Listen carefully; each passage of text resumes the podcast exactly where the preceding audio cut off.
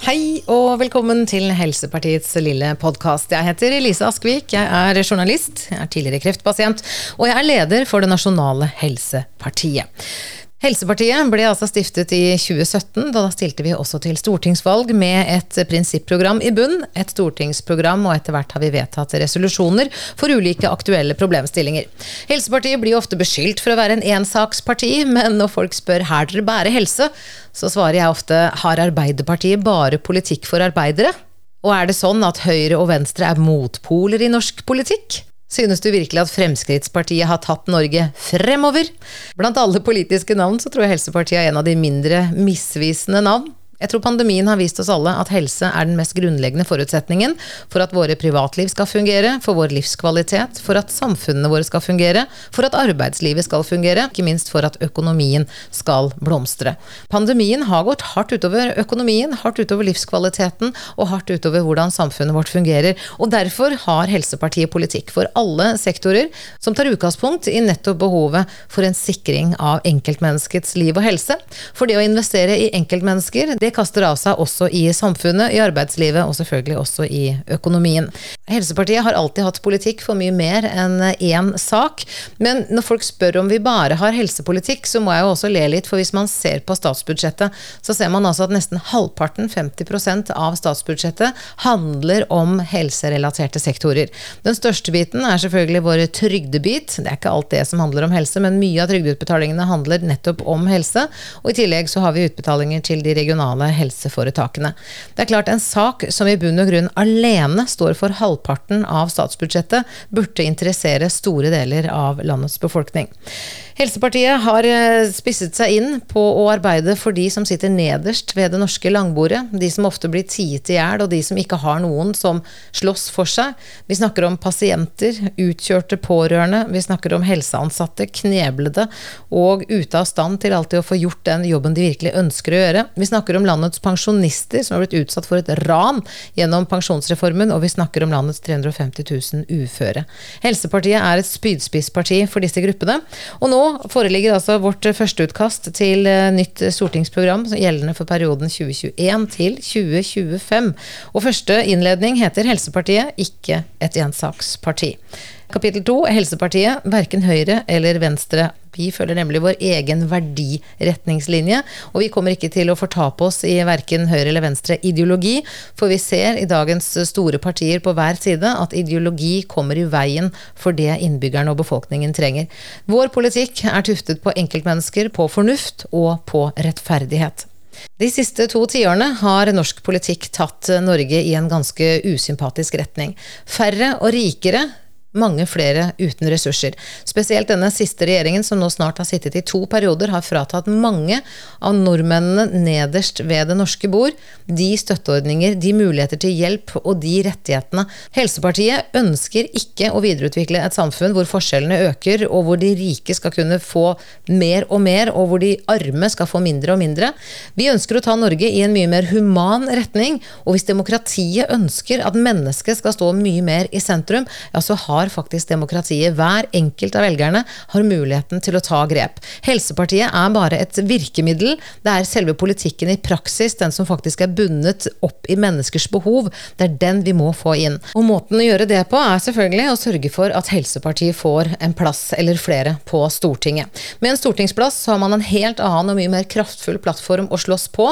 Nå har Helsepartiet klart å utøve og fått ganske stort grep om en god del saker også uten stortingsplass, men med stortingsplass så får får man helt andre midler, og man får en mye sterkere stemme. Og I tillegg så vil media være interessert i å heve sakene, dekke det vi jobber med, den humanismen vi står for, og ikke minst presse de store systempartiene, som i veldig liten grad etter hvert tar hensyn til enkeltmennesket, presse dem til å få en politikk som har mye mer vekt på menneskeverd, og kanskje litt mindre vekt på pris.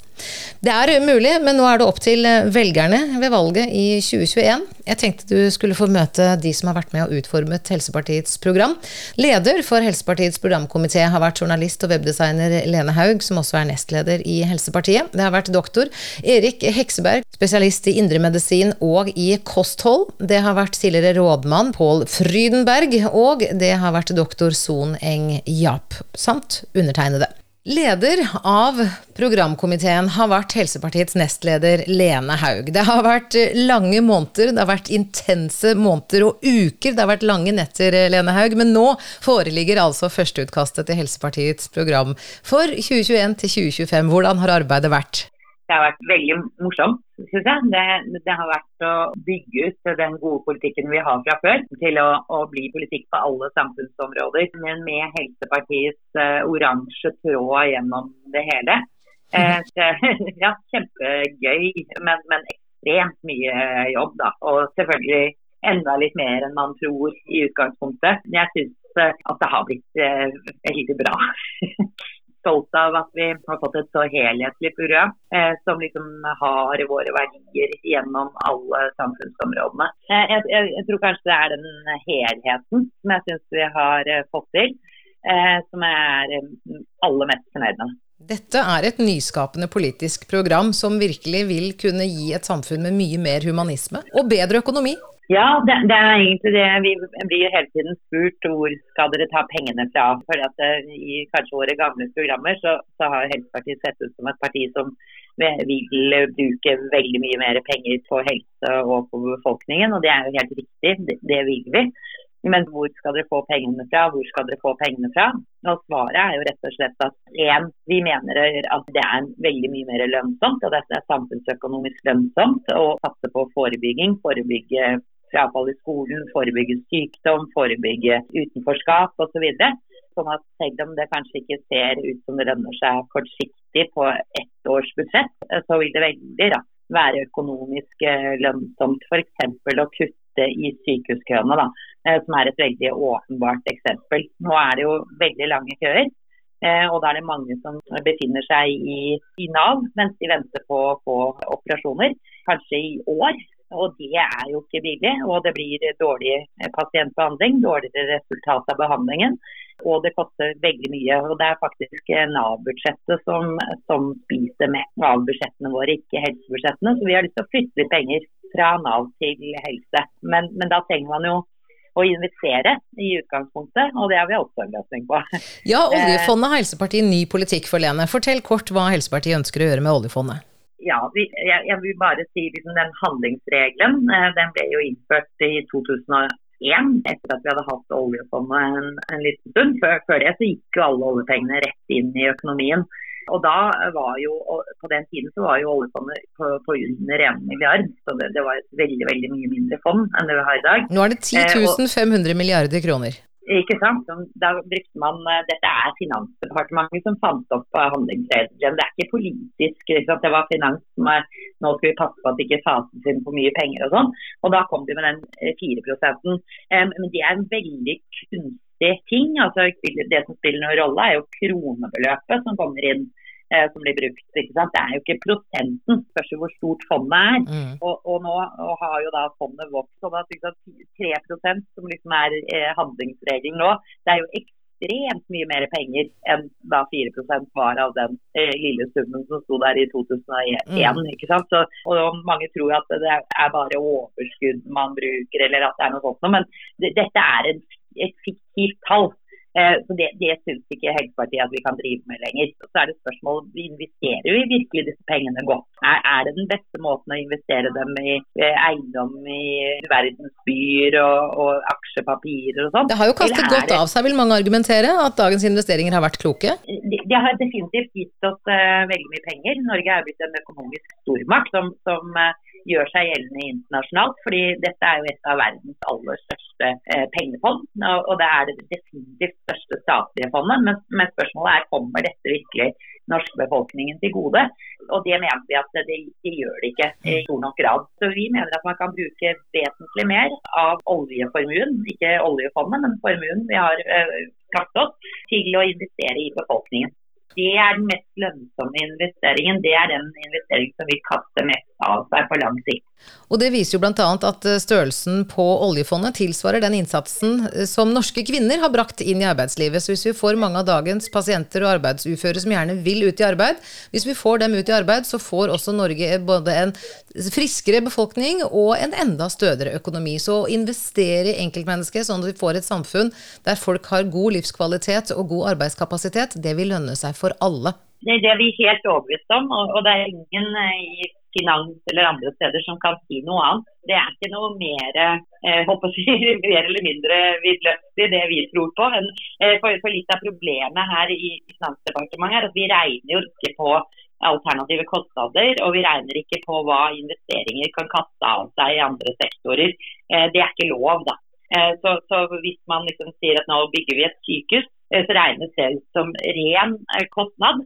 Man regner ikke på hva man tjener på å bygge det sykehuset. Og dermed må vi andre måter å regne på. Dette innebefatter Helsepartiets nye politikk?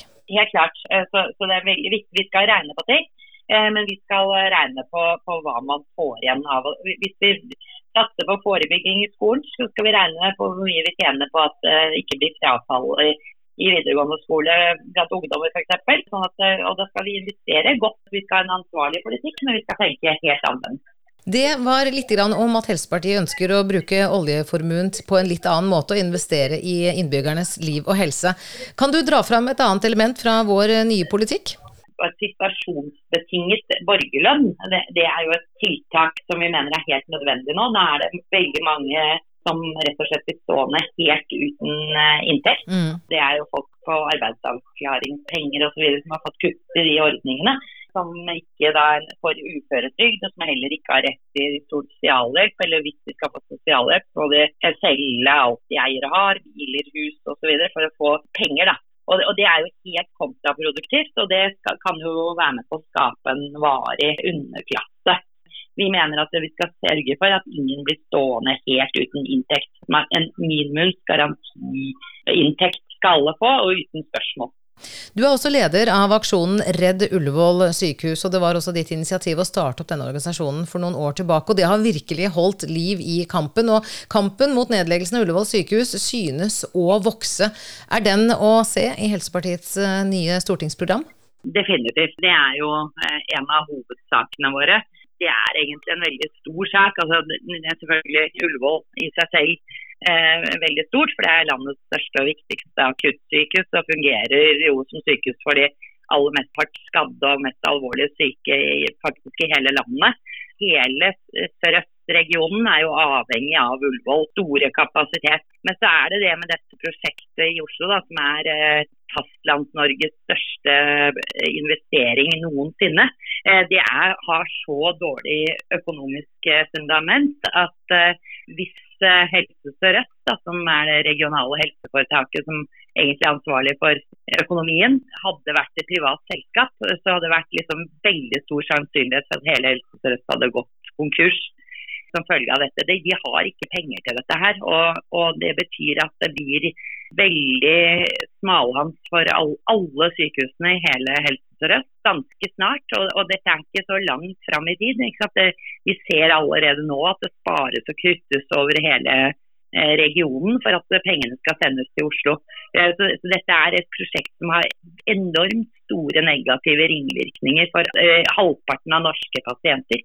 Og, selvfølgelig, når man da får for lite sykehuskapasitet, så vil jo det bli kommunene da, som må ta seg av de pasientene. Det, det er jo også en ting som ikke er regna på.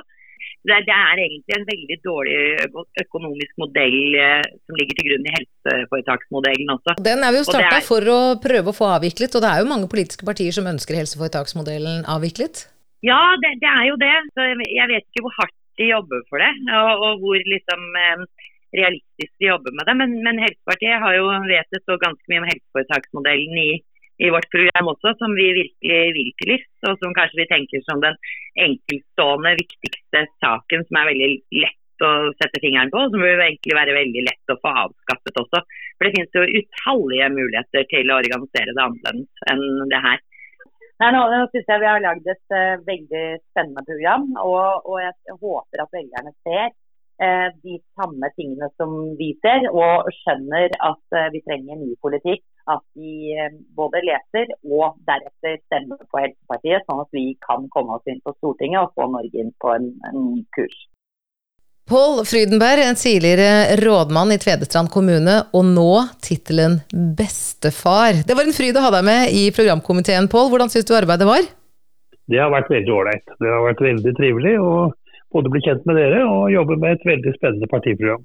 Vi har hatt en del møter gjennom sommeren, både på Teams og ansikt til ansikt, men nå foreligger altså 152 sider i førsteutkastet. Hva vil du trekke spesielt fram av det som er førsteutkastet vårt nå?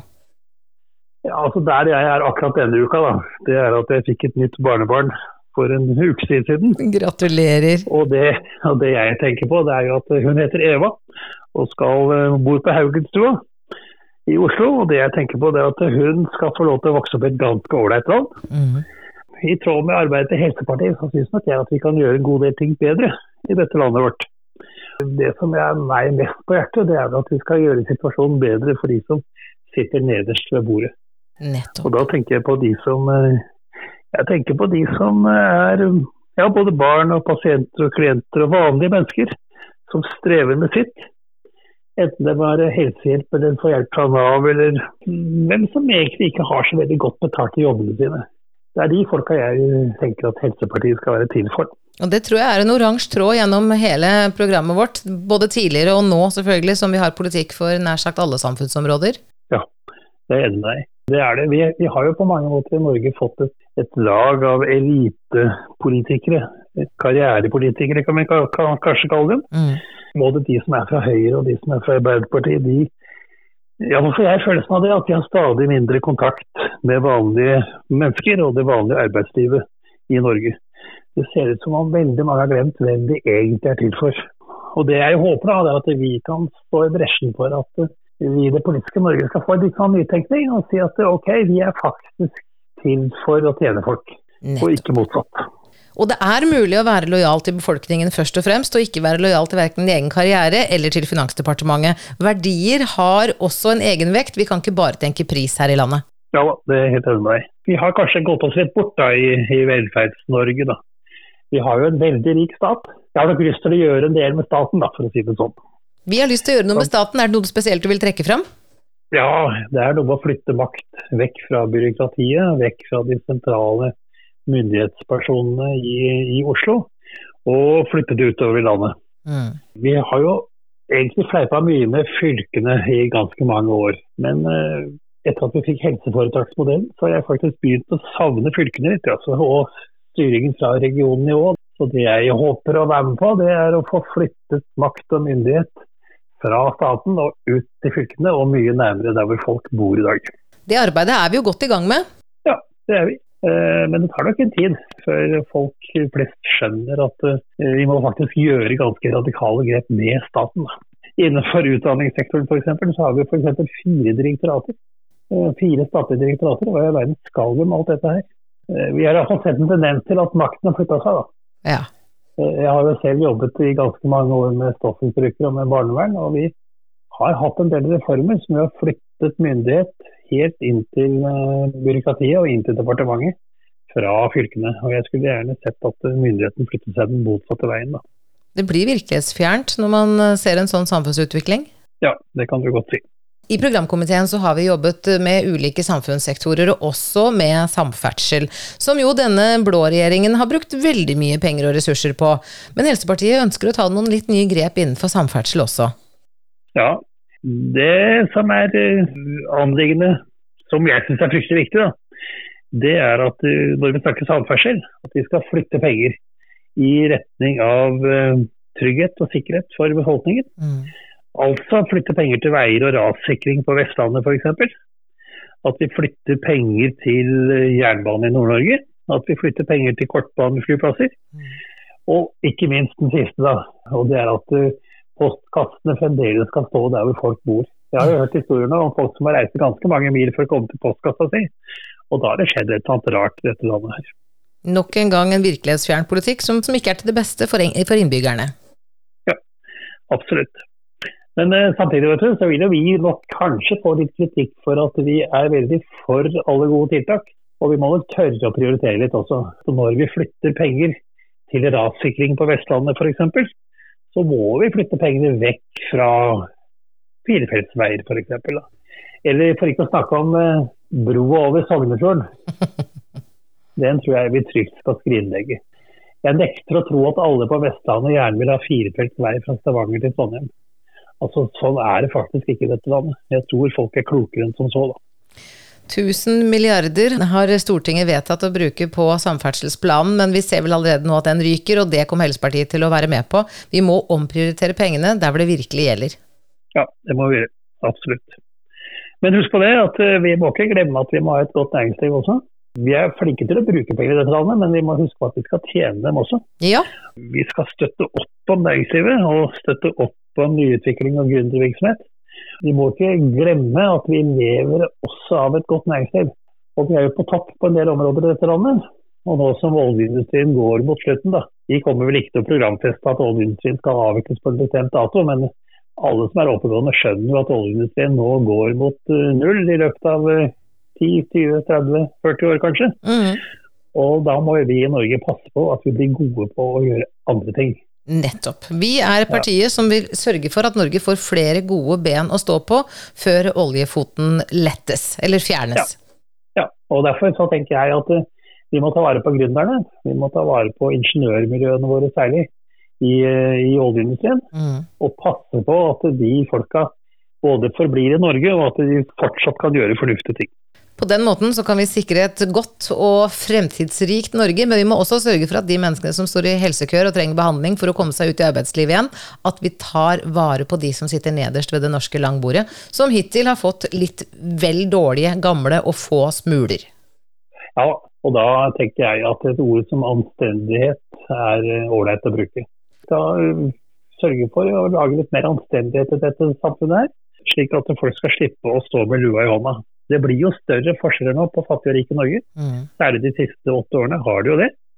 Det blir mer og mer forskjell på folk. Og da tenker jeg at jo, vi må hjelpe til med å løfte de fattigste i landet opp. Eh, og det betyr at vi må gjøre noe helt annet enn det høyreregjeringen har gjort de siste åtte årene. Oh yes. Jeg tror både anstendighet og samvittighet er ord som må inn i politikken igjen. Ja, det er fine ord. Og jeg syns de passer godt til Helsepartiets førsteutkast. Ja, la oss håpe det, du. Med i Helsepartiets programkomité var også doktor Son Eng Jap, som i 35 år har vært fastlege i Nesbyen i Buskerud fylke. Hei, Son! Hei, hei! Takk for ja. fint samarbeid i programkomiteen. Det har vært eh, et intenst arbeid, men nå foreligger altså førsteutkastet vårt. Hva har du lyst til å trekke fram, Son? Jeg vil fortelle første omgang hvorfor jeg kom inn til Helsepartiet. Det er pga. jeg har jobbet så lenge i primærhelsetjenesten, vi kaller det. Mm. Og så er det frustrert om helsekø. Det er så lang ventetid til å komme til andre linjetjeneste. Og så ofte er det bagatelleplager blir det når det kommer så langt, og venter et halvt år, ett år. Det blir bare verre. Mm. Og ikke noe rart at det blir vanskelig å reparere alt dette her. Jeg har lyst til at må vi rette opp i et verdens rikeste land. Alle skal få samme muligheter. Det skulle vært en selvfølge i verdens rikeste land, og du kjenner jo til et av verdens fattigste land, for du reiser hvert år til Uganda. Fortell hva du gjør i Uganda, Soen. Ja, etter jeg sluttet å jobbe her, så ble pensjonist, for jeg mener jeg har fortsatt noe å gi. Og da ville jeg jobbe i fattig land. Så tenker jeg når jeg har jobbet så lenge i rike land og frustrert, og nå ønsker jeg å komme til, komme til fattige land. Også for å komme dit er ikke bare lett heller, fordi vi prøver å søke Norad, og det de gir bare til store organisasjoner. Mm. Disse store organisasjonene de, de brukes med penger for administrasjon, og det mener folk som gir penger, det blir forsvinner altfor mye til ingen nytte til de som virkelig trenger det.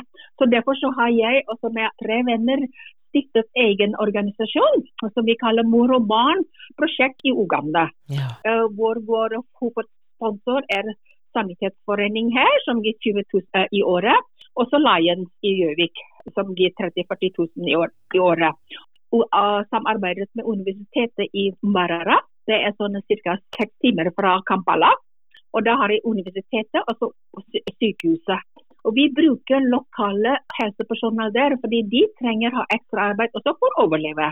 Og da er det godt pga. språket, og de kjenner metoder alt sammen. Og så Vi har ti personer som lokale helse, med lege, sykepleier, laborant, sjåfør og hjelpere. Og jeg administrerer hele greia. Jeg reiser dit to ganger i året. Og så da har vi mobilklinikk. Den mobilklinikk er sånn fordi vi vet hvis vi stasjonerer på et sted, vi har ikke råd å komme til oss. Vi har ikke penger å komme. Nei. Derfor så vi reiser bort til distriktet. Og da hele landsbygda møter opp da. Så Derfor så har vi uh, mobilklinikk med disse uh, lokale personalet, samarbeidet med lokale folk. Og så har vi naturligvis tatt screening av høyt blodtrykk og diabetes. Og så har vi gitt ernæring, veldig viktig for barna. Så vi gir dem sånne, som heter moringa, så gir dem gratis for at vi skal få tillegg til den. Naturligvis, første, første jeg tenker det er prevensjon. Og det tar tid, for det er ikke så lett å bare komme dit og så du må ikke ha så mange barn, bla, bla, bla. Nei, nei. vi, vi, snakker med, vi snakker med de som har fått to-tre barn. De er så flinke, det hørselspersonen forteller. Nå har vi ansatt en jordmor i tillegg, og det skal vi ta hver enkelt individuell prevensjon. Ja. ja. Ser dere noen utvikling i antallet fødsler, da? Går det ned? Eh, ikke enda. Det er ikke bare det. Også, vi også um, hjelper diagnostisere malaria. for Det er det første fjedesykdom der, er malaria. Ja, og folk, barna, altså uh, voksne kommer med feber, så tar vi den testen. Vi gir dem behandling første gang, og så sender vi videre til sykehuset. Og da, De får da gratis behandling der. Fra i år har vi utvidet, da tar vi HIV-test. Også fordi det er mange unge menn også. Det er egentlig Vi tenkte for mor og barn, men det kommer hele familien. Vi har ikke hjerte å avvise dem, så vi tar bare inn alle som kom. Ja. For hele familien. Så bra. Og så da, ja, og da blir testet hiv. Også, også, det, også hvis det er positivt, da tar staten med behandling gratis. Oh, ja, så da vi ja, vi hjelper til da, å få det. Dere gir dem hiv-tester og finner ut hvem som er smittet og hvem som ikke er det? Ja. ja. Gjennom ditt arbeid i Uganda så har jo du sett hvordan det er å være syk i et veldig, veldig fattig land, kontra hvordan det er å være syk i Norge. Hvilke betraktninger gjør du deg rundt dette her? Naturligvis det kommer igjen urettferdighet i verden, da. Men det er sånn som jeg ikke kan alene få den. Jeg mener For mange vil jo si at i forhold til Uganda så har jo Norge alt. Ikke sant? Det er fattig land. Jeg har sagt det er verre å være fattig i et rikt land og er fattig i et fattig land. Fordi du føler du utenfor når du er her. Når man har penger, så bare kjøper du en privat eh, tjeneste. Og jeg synes det er urettferdig, for det er ikke det pengepungen som forteller du trenger hjelp, men behovet Altså Hvis du er syk, så skal du få hjelp selv om du ikke har så mye penger. Mm. Det var det jeg, jeg brenner for i Norge. Hvis du er så rik land, det er en skam at du ikke skjøver bort på hjørnet fordi du har ikke penger, så kan du ikke komme til oss. Tror du Helsepartiet kan forandre noe på dette her? Jeg, jeg har tro på det, derfor melder jeg meg inn. for jeg har lyst til å kunne bidra med noe. Altså, jeg håper folk våkner naturligvis jeg er klar over de folk som har penger, de bryter opp oss. Men til tross det er mange som ikke har penger også her i Norge. da. Hvis man er syk, så blir man fattig òg her i Norge. Nettopp. Hvis man er syk, så blir man fattig. Det er helt riktig sånn. Så blir kasteball på kryss og tvers. Altså, de mener. Derfor så er jeg nå for, hvis man er 20 ufør, gi dem sjanse å jobbe litt ikke må vente til de blir 50% eller 100% For folk som har lyst til å jobbe, som ikke har 100 helse, de må gi sjanse. En mye mer gradert uføregrad, det slåss Helsepartiet for. Ja. Ja. Og I tillegg så har vi jo fått bistandspolitikk tuftet på både dine erfaringer og mange andre bistandsarbeidere om at vi må ikke bare eh, sluse alle pengene inn i FN og Norad-systemet, vi må også se de mindre organisasjonene. Sånn som den organisasjonen du bl.a. er med i. Ja, jeg, jeg som, som, ikke har penger, som trenger det. Og det er klart det er uh, forskjell mellom disse landene. Ikke bare sende penger til uh, disse statshodet, de blir, de blir spist opp der. Og så vil vi sende eksperter, våre eksperter som jobber der, og så se og så hjelper til. Og så Da blir det mer resultat. Det er mange muligheter i bistandspolitikken som ikke har blitt forsøkt ut, men Helsepartiet har ny politikk der også. Ja, ja, ja. Og så Jeg har lyst til å bidra med noe så lenge jeg kan. Son, det har vært en fryd både å være sammen med deg Helsepartiet og utarbeide Helsepartiets eh, førsteutkast til programmet. Nå blir det spennende å se når vi skal i gang med andre runden og vedta programmet på landsmøtet til i februar. Men tusen takk for samarbeidet så langt. Ja, vi, må nå folk. Vi må nå vanlige folk. altså Disse her som er hypoperes, de, de trenger ikke oss. Det er den Vi må gå til folk som vanlig som virkelig lider her i Norge. altså. Det er helt riktig. Det, det, er uhørt at et lite land og hvis du har mye penger, og så at man skal lide pga. fattigdom. Det må vi gjøre med.